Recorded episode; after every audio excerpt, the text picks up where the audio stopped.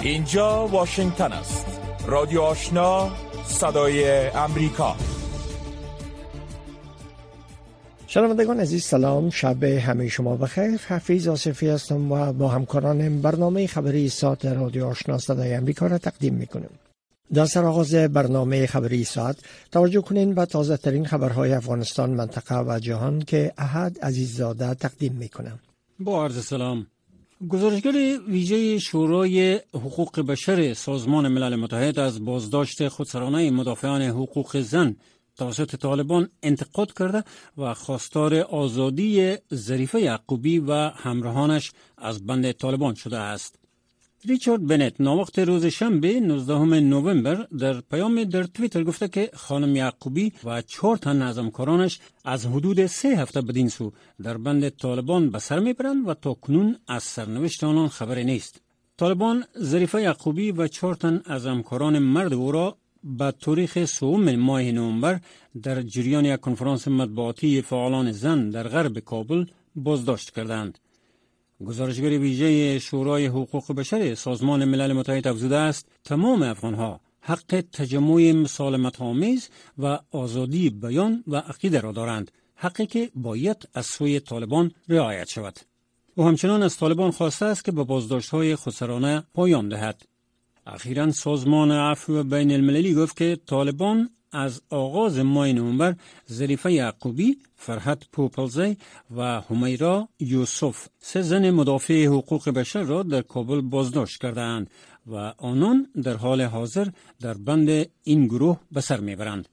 بازداشت این مدافعان حقوق بشر توسط طالبان واکنش های زیادی را به دنبال داشته و پیش از این شورای حقوق بشر سازمان ملل متحد هیئت معاونت سازمان ملل متحد در افغانستان یونما و سازمان عفو بین المللی خواستار رهایی بیدرنگ این زنان شده بودند. 20 نوامبر برابر است با روز جهانی کودک. صندوق وجهی حمایت از کودکان سازمان ملل متحد یا یونیسف می‌گوید در حالی که پسران در افغانستان به مکتب می روند اما دختران بالاتر از صنف ششم از رفتن به مکتب محروم شدهاند و این موضوع سبب نگرانی والدین آنان گردیده است. محمد آگایو و نماینده صندوق کودکان سازمان ملل متحد یونسف به مناسبت روز جهانی کودکان در صفحه تویتر خود نشته است برای مادران و پدران این بسیار دشوار است که پسرانشان آموزش ببینند اما دخترانشان از آموزش محروم باشند. آقای ایوا می‌گوید کارمندان صحی زن در نجات دادن زندگی انسانها نقش بسیار مهم دارند و آموزش کارکنان صحی زن بیشتر وابسته به دوره لیس است.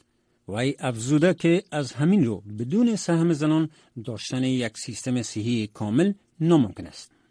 یونسف یا صندوق اطفال سازمان ملل متحد می‌گوید این اداره تا هنوز هم نتوانسته که تطبیق واکسین ضد پولیو یا فلج اطفال در افغانستان را خانه به خانه انجام بدهد. جزئیات بیشتر را از نسرین محمود عزیزی میشنوید. اداره یونسف در افغانستان می‌گوید واکسین خانه به خانه برای ریشهکن ساختن پولیو یا فلج اطفال در آن کشور مؤثر می باشد ولی هنوز به طور کامل عملی نشده است. انتقادهایی وجود دارد که طالبان در جریان دو دهه گذشته در بسیاری از موارد مانع برنامه های تطبیق واکسین می شدند. اما گفته می شود که اکنون این واکسین در بسیاری ولایات در قریه ها مسجد به مسجد تطبیق می گردد.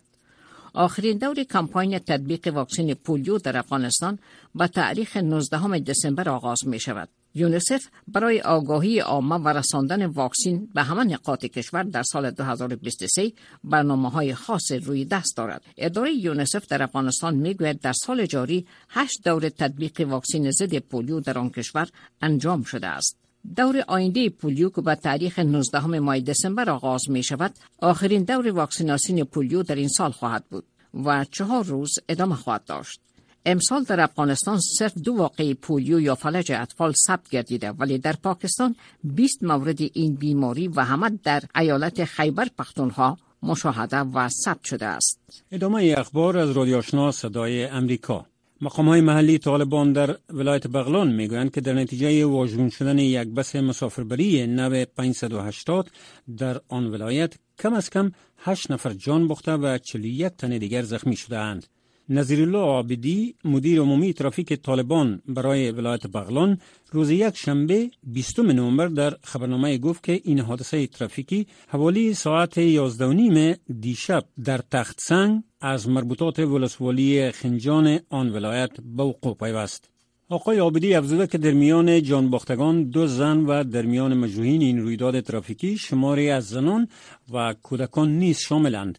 او به راننده و از کار افتادن بریک این بس را از عوامل عمده واژگون شدن آن به دریا عنوان کرده و گفته که تمامی زخمی ها به شفاخانه ها منتقل شده اند. با گفته مدیر ترافیک طالبان در بغلان این موتر از کابل به طرف ولایت بلخ در حرکت بود. وی وضعیت صحی شمار از مجروحین و وخیم خونده و اضافه کرده که ممکن شمار تلفات ناشی از این حادثه افزایش یابد. در یک خبر دیگر در اثر یک حادثه ترافیکی دیگر در آن ولایت سه نفر جان بخته و هفت تن دیگر زخمی شده اند. خبرهای منطقه و جهان را از رادیو آشنا صدای امریکا مشنوید. نیروهای تحت رهبری کردها و دیدبان حقوق بشر سوریه می‌گوید که حملات هوایی نیروهای ترکی ناوقت روز شنبه 19 ماه نوامبر بالای چندین شهر در شمال سوریه 12 کشته بر جا گذاشت. دیدبان حقوق بشر سوریه اعلام کرد که در حملات ترکیه حداقل شش عضو نیروهای دموکراتیک سوریه بر رهبری کردها یا SDF و شش سرباز طرفدار رژیم سوریه کشته شدند. این حملات تنها چند روز پس از آن صورت می‌گیرد که انقره حزب کارگران کردستان یا PKK را به بمگذاری مرگبار هفته گذشته در مرکز استانبول متهم کرد. وزارت دفاع ترکیه با اشاره به حق دفاع از خود و بر اساس ماده 51 منشور سازمان ملل متحد عملیاتی را که آن را پنجه شمشیر نامید اواخر شنبه شب آغاز کرد. وزارت دفاع ترکیه صبح یک شنبه در توییت نوشت ساعت حسابدهی فرا رسیده است. این وزارتخانه در پست دیگری که با ویدیویی از هدفگیری و سپس انفجار همراه بود گفت محلات حضور تروریسا با حملات دقیق تخریب شد. در حالی که انقره جزیات از این عملیات را ارائه نکرده نیروهای کرد اعلام کردند که شهر کوبونی در شمال شرق سوریه مورد حملات ترکیه قرار گرفته است. کاملا هرس معاون رئیس جمهور ایالات متحده با سفری که از یک شنبه آغاز می شود و شامل پرواز به ولایت جزیره که در مقابل آبهای جنوبی چین موقعیت دارد جایی که واشنگتن چین را به زورگویی در برابر کشورهای کوچک متهم کرده است. بر تعهد امریکا به دفاع از متحدین فیلیپین تأکید خواهد کرد. یک مقام ارشد حکومت امریکا گفت پس از شرکت در اجلاس همکاری اقتصادی آسیا و حوزه اقیانوس در تایلند هریس شب یک شنبه به فیلیپین پرواز خواهد کرد و روز دوشنبه با فردیناند مارکوس جونیور رئیس جمهور آن کشور برای گفتگو به هدف تقویت روابط اقتصادی با این کشور که قدیمی ترین همپیمان امریکا در منطقه است دیدار خواهد کرد. هرس گفت که سفرش به تایلند کاملا موافقت آمیز بود زیرا بعد از ظهر یک شنبه در میز گرد درباره تغییرات اقلیمی بر تعهد ایالات متحده به منطقه تأکید کرد گروه متشکل از فعالان اقلیمی، اعضای جامعه مدنی، رهبران مؤسسات و شرکتها کسانی که بر انرژی پاک و تهدید که تغییرات اقلیمی برای دریای میکانگ ایجاد می کند متمرکز شده است. هریس اعلام کرد که ایالات متحده قصد دارد تا 20 میلیون دلار را برای انرژی پاک در منطقه از طریق مشارکت انرژی میکانگ ژاپن ایالات متحده اختصاص دهد. برای اولین بار کشورهای جهان تصمیم گرفتن برای جبران خسارات که گرمی بیش از حد جهان و کشورهای فقیر وارد می کند کمک کنند. اما آنها مذاکرات وسیع اقلیم را روز یک شنبه بدون پرداختن به علت اصلی آن که استفاده از سوختهای فسیلی است ختم کردند. بر اساس این توافق که حوالی صبح در شهر تفریحی بحیره احمر در مصر انجام شد. صندوقی برای آنچه که مذاکره کنندگان ضرر و زیان مینامند ایجاد می شود این یک پیروزی بزرگ برای کشورهای فقیرتر است که مدت هاست خواستار دریافت پول نقد شده اند که گاهی اوقات به عنوان غرامت تلقی می شود زیرا اغلب قربانیان سیلها ناشی از تغییر اقلیم خوشسالی امواج گرم قحطی و طوفان هستند. با آنکه این کشورها سهم کمی در افزایش آلودگی جهان داشتند همچنین مدت هاست که این موضوع به عنوان موضوع عدالت برای کشورهایی می باشد که تحت تأثیر شرایط اقلیمی شدید و های جزیری کوچک هستند که با تهدیدات ناشی از افزایش سطح آبهای ابهار مواجه می باشند. و خبر اخیر محفل عروسی نامی بایدن نواسه جو بایدن رئیس جمهور امریکا و پیتر نیل نامزدش روز شنبه 19 نوامبر در چمن جنوبی قصر سفید برگزار شد. این 19 محفل عروسی در تاریخ است که در قصر سفید برگزار می شود. جو بایدن و همسرش جیل بایدن در بیانیه مشترکی که پس از این مراسم منتشر شد گفتند مشاهده بزرگ شدن نامی خودشناسی و ساختن چنین زندگی باور نکردنی برای خودش لذت بخش بود. برخلاف برخی از مراسم گذشته در این محفل عروسی به های خبری اجازه اشتراک داده نشده بود. پایان اخبار افغانستان منطقه و جهان از رادیو آشنا صدای امریکا شنوندگان گرامی رادیو آشنا صدای امریکا نشرات رادیو آشنا را در موج متوسط 1296 موج کوتاه 11575 اعشاری صفر و در موج 972 کیلوهرتز شنیده می توانید.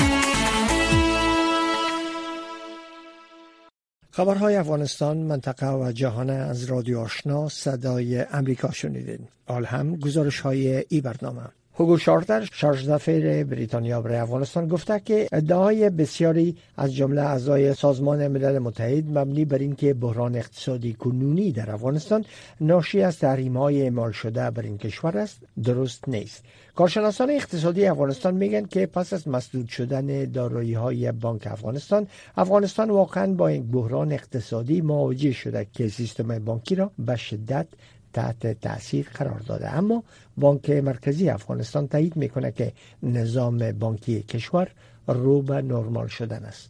جزیات بیشتر در این گزارش میشنوین. هوگو شارتر شارژدافیر سفارت بریتانیا برای افغانستان به تازگی در رشته های این ادعا را که گویا بحران اقتصادی ایجاری در افغانستان ناشی از تحریم های بوده است که جامعه جهانی پس از روی کار آمدن طالبان پس از اگست 2021 اعمال کرده اند نادرست خواند.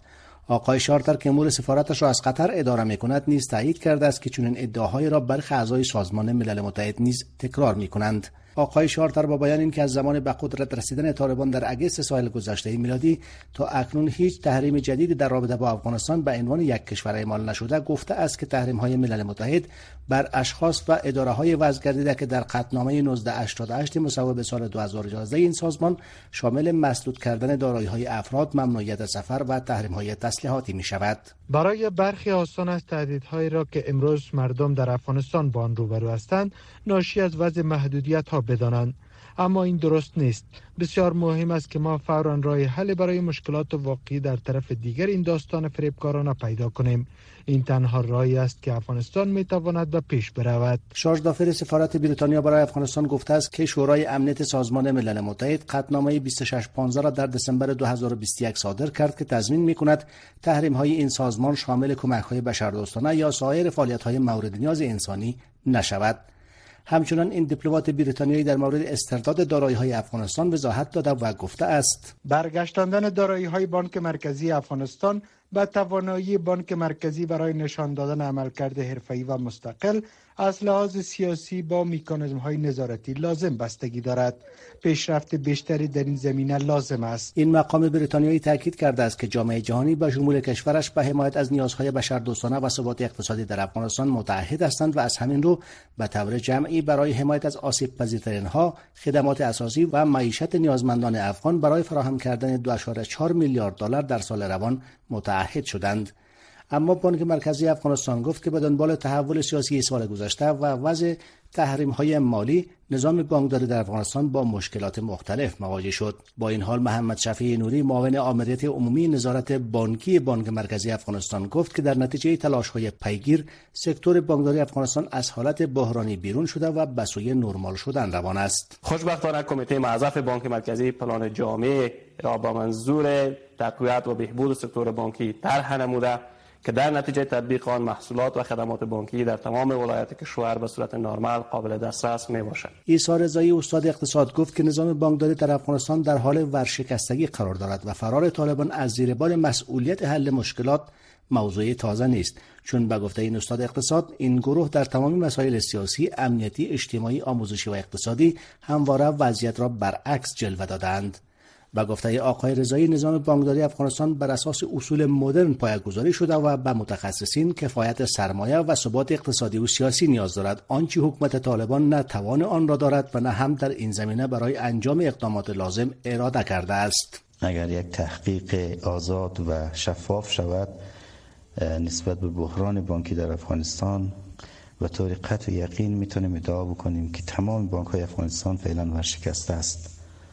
و صرفا تزریق پول نمی‌تونه مشکلات رو حل بکنه. اون چیزی که مهم است بحث سرمایه گذاری هست. یعنی سیستم قرضدهی و قرضگیری در افغانستان سیستم بانکی افغانستان فعلا قفل شده است.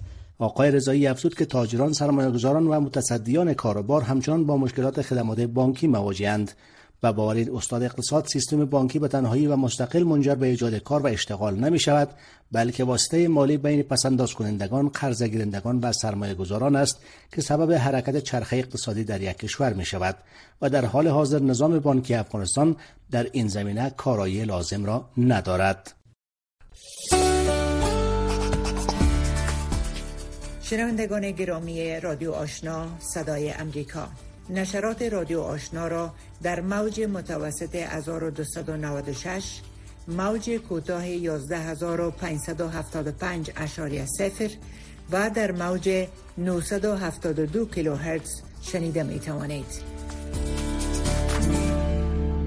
شنیدید که اخیرا شارژ دفعه سفارت بریتانیا بر افغانستان گفته که بحران اقتصادی کنونی در افغانستان طوری که بعضی سازمان ها ادعا می کنند ناشی از وضع تحریم ها بر کشور نیست. در رابطه به که رای حل برای بحران اقتصادی کنونی در افغانستان چیست در این مورد نسرین محمود عزیزی مصاحبه با آقای نقیب آرمین تحلیلگر امور سیاسی انجام داده که اینک تقدیم میشم. آقای آروین به نظر شما وضع تحریم ها بر سیاست های خارجی طالبان چقدر اثر گذار خواهد بود؟ خب هر نوع سیاست خارجی در سیاست داخلی و چگونگی حکومت کشور تعیین می‌کنه در یک سال گذشته با سقوط حکومت قبلی یک نوع بینظمی با حکومت سرپرست جدید طالبا در افغانستان ایجاد شد و با رفتار و قوانین که اونا در کابل در افغانستان داشتن دو مسئله بسیار مهم نتانستن پیش ببرن اول مشروعیت داخلی و کسب حمایت ملی در داخل افغانستان و دوم ایجاد تأمین روابط دیپلماتیک و سیاسی با کشورهای مختلف. یعنی با گذشت بیش از یک سال اونا نتانستند که هیچ کشور را متقاعد بسازند کشورهای همسایه منطقه و بیرون از او. که اونا دولت اونا را به رسمیت بپذیره و روابط اونا تامین بشه. بله. برمیگردیم به داخل کشور که همین تحریم ها چه تاثیر روی تجارت و تشبسات و مردم وارد خواهد کرد؟ به یقین در یک سال گذشته نظم زندگی از جمله در, در مسائل اقتصادی فرو پاشیده و مردم با بحران اقتصادی شدیدی روبرو هستند. همه چیز تاثیر داشته و, و در یک سال گذشته نتیجه فقدان حکومت و فقدان تامین رابطه با خارج و نبود حکومتی که در او مردم شریک باشن یا مردم حمایت بکنن یا خارجی ها و کشورهای همسایه و منطقه او را به یک کشور دولت رسمی به رسمیت بپذیرن اینا باعث شده که اقتصاد فرو بپاشه اقتصاد مردم بسیاری از مردم یعنی فیصدی بالای از مردم سرمایه گذاری خود و کشورهای منطقه و بکنن یا اونایی که زمینه فعالیت اقتصادی در داخل افغانستان داشتن و اونایی که نداشتن به دلیل نبود کار و کشورهای همسایه فرار بکنن و بر اساس گزارش هایی که بعض رسانه های امریکایی داشتن در یک سال گذشته بیش از یک میلیون شهروند افغانستان تنها به ایران رفتن. به دلیل شرایط داخل افغانستان و همچنین به دلیل نبود کار و فعالیت اقتصادی میرن. بنابراین همه چیز فرو پاشیده و کسانی که به اصطلاح در داخل افغانستان کار تولید می‌کردن یا کار در بازار نقشه داشتن اندکترین سرمایه داشتن به بیرون از کشور برآمدن یا در حال برآمدن هستند به دلیل سیاست های موجود حکومت در طالبان در افغانستان و به دلیل نبود امید و اطمینان برای سرمایه گذاری در داخل افغانستان. پس رای حل چیز و چین و تحریم های مؤثر بوده می‌تونم؟ به هر حال یعنی از, از یک طرف مردم شما می‌بینید که در تمام عرصه ها مشکل دارن و توقع مردم در داخل افغانستانی است که دنیا و کشورهای خارجی کشور وضعیت افغانستان را درک بکنه و مال فشار بکنه برای تغییر سیاست های حکومت که یک سال است در افغانستان بیش از یک سال است. گفته میشه که حکومت سرپرست است. بنابراین عام مردم به عنوان مثال شما طبقه اوناس و خانم ها را ببینین که با چه فشارهای روبرو هستن. از جهان به زبان های مختلف می‌خواهند که اعمال فشار بکنند تا این سیاست ها تغییر بکنند مثلا در بخش آزادی بیان شما می‌بینید که دیروز در سطح جهان افغانستان از, از, از لست کشورهایی که حامی آزادی بیان از خط زدن. بنابراین یوزا پیچیده در شده میره از, از تمام اجزا از تمام جنبه ها و اعمال تعذیرات که بتانه این رفتار تغییر بده و در افغانستان حکومت ایجاد بشه و نظم ایجاد بشه و که هم مردم در شامل باشن و هم دنیا او را به رسمیت بپذیره. بدون فشارها احتمالا تغییر بیشتر نخواهد آمد رادیو آشنا صدای امریکا هفت روز هفته. خبر و گزارش ها و تحلیل های خبری روز. پاکستان گفته که حکومت افغانستان را بدون اجماع جهانی بر رسمیت نخواهد شناخت و هشدار داده که صبر جهان در برابر گروه به سر رسیده. بلاول بوتو زرداری وزیر خارجه پاکستان این اظهارات در یک کنفرانس خبری در اسلام آباد بیان کرد. در رابطه به اینکه چقدر اظهارات پاکستان ناشی از اختلاف نظر با حکومتداری طالبان است نجیب خلیل مصاحبه با آصف مبلغ تحلیلگر مسائل سیاسی انجام داده که با هم به این مصاحبه گوش میدیم. آقای مبلغ. سلام به شما خوش آمدین به برنامه. زرداری هشدار داده که صبر جهان در برابر طالبان رو به تمام شدن است. اما با وجود این چالش ها برای حفظ تعامل با افغانستان تاکید کرد و گفت که نباید اشتباهات گذشته تکرار شود. آیا رهبری پاکستان واقعا با نوع حکومتداری طالبان با مشکل مواجه است یا این اظهارات پاکستان یک لبوازی سیاسی است؟ خب با سلام خدمت شما و بیننده های محترم شما. ببینید در پاکستان جبهه های سیاسی مختلف وجود داره. پاکستان را ما نباید یک دست ببینیم. جبهه پنجاب، جبهه خیبر پختونخوا و جبهه بلوچستان مجموعه های هستند که در پاکستان بعضا منافع متضاد با هم دیگر دارند و فعلا ما یک اشتراک مسایی را بین جبهه خیبر پختونخوا و بلوچستان می‌بینیم. و از او طرف دیگر پنجابی ها خودشان را در یک خطر تمامیت ارزی احساس می‌کنند. به دلیل اتحادی که بین بلوچ ها و بین تحریک طالبان پاکستان از یک طرف و از طرف دیگر جنبش های مثل جنبش تحفظ پشتونخوا و جنبش های نشنالیستی دیگر به وجود آمده. و فکر می‌کنم که جبهه پنجاب امروز احساس می‌کنه که اگر طالبان مدیریت نشود می‌توانم مشکلات اساسی را برای تمامیت ارزی پاکستان خلق کنم. آها. پاکستان به عنوان حامی با نفوذ قوی به طالبان شناخته میشه.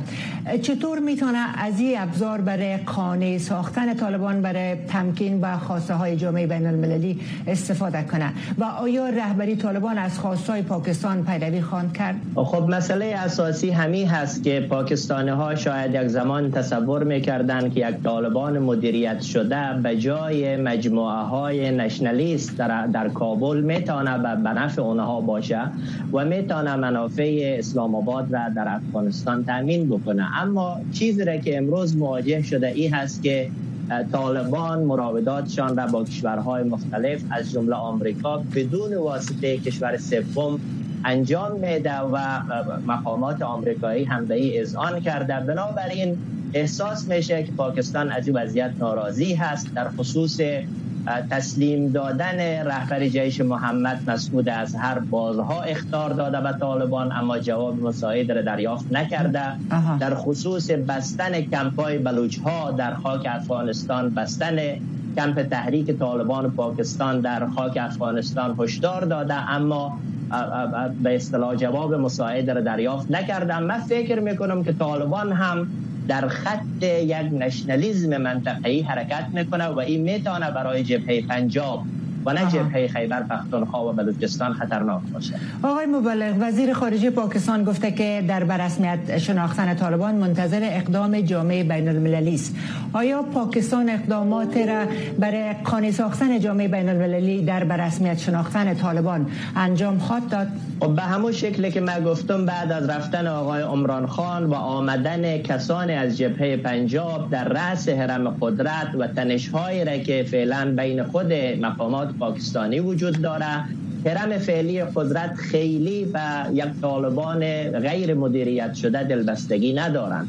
بنابراین باید یا در رهبری طالبان و رویکرد طالبان یک رویکرد متمایل به منافع اساسی پاکستان را شاهد باشند تا برایشان لابی بکنند و یا ای که از ابزار شناسایی برای متع کردن بیشتر طالبان حد اکثر استفاده را خواهند بود. بنابراین من فکر می‌کنم که امروز مسئله طالبان برای خود پاکستانی ها هم می‌تونه خطرناک تلقی شود و ای را بخش از ارتش و بخش از سیاستگران پاکستانی به خوبی درک می‌کنند.